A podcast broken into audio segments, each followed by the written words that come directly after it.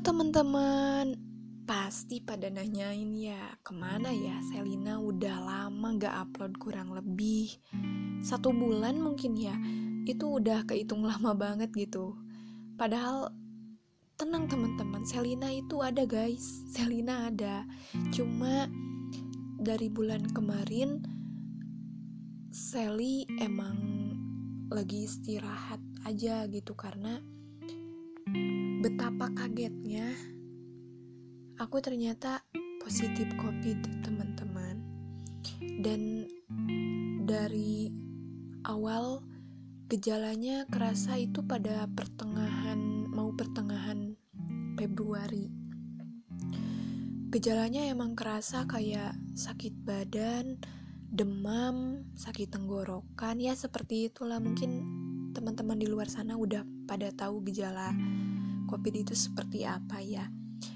Dan pastinya sekarang harus hati-hati banget teman-teman karena varian COVID itu sudah banyak ya. Contohnya Omicron itu sudah menjamur di mana-mana di setiap daerah hampir ada gitu.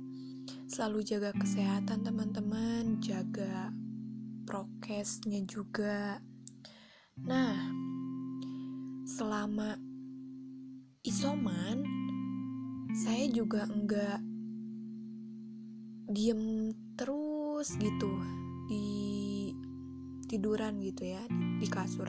Enggak tapi setelah saya merasa pulih agak pulihan uh, jadi pas lima hari itu masih pusing gitu ya si demamnya udah mulai turun tuh di hari kelima.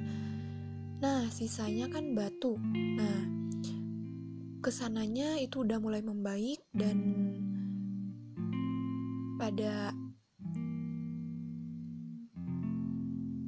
akhir dua minggu isoman udah mau habis masa isoman uh, H plus 10 ke atas itu saya ngelakuin kayak hal yang produktif gitu. Karena saya juga nggak bisa kalau misalnya terlalu banyak diam gitu. Maksudnya diam itu ya rebahan kayak gitu nggak bisa gitu. Kita harus produktif juga gitu biar uh, nanti kita terbiasa lagi untuk melakukan aktivitas gitu. Nah kegiatan produktif apa sih yang disarankan kalau lagi isoman? Nah ini ya yang saya lakukan pada saat isoman uh, kegiatan produktifnya uh, olahraga ringan Nah, itu kan bisa dilakukan juga pada saat isoman gitu karena kalau pengen sehat lagi kan kita harus dibiasain olahraga gitu.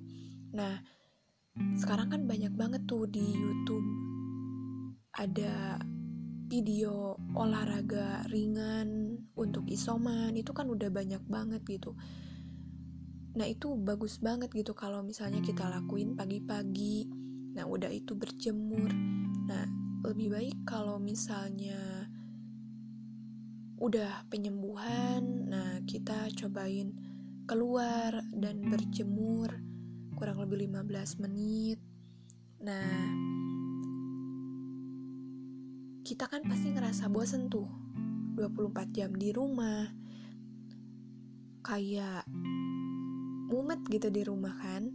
Nah, tapi aku mengatasinya dengan cara melakukan hobi yang aku sukai gitu. Kayak misalnya baca nulis atau dengerin podcast atau belajar dari e-learning. Mungkin kan banyak sekarang ya dari berbagai aplikasi juga Nah, bisa kan itu waktu-waktu tersebut bisa kita isi dengan hal yang produktif gitu daripada kita banyak rebahan atau apa pun gitu.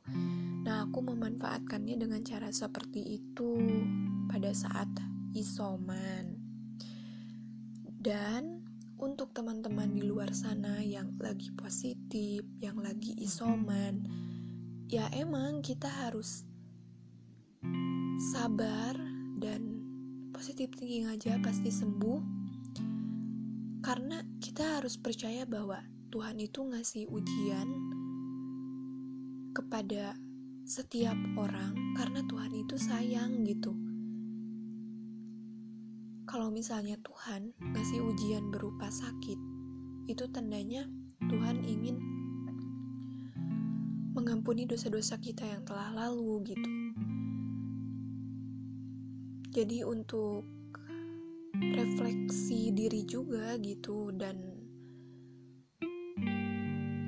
evaluasi diri pastinya kita harus lebih mendekatkan diri kepada Tuhan, kita harus lebih menjaga kesehatan. Ya, seperti itu ya kalau kita mengambil kesimpulan di balik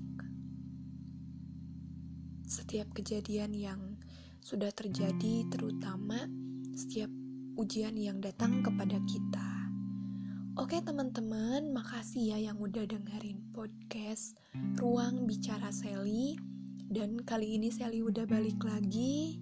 Insya Allah ke depannya Sally akan uh, upload untuk podcast selanjutnya. Thank you teman-teman yang udah dengerin. Tetap jaga kesehatan.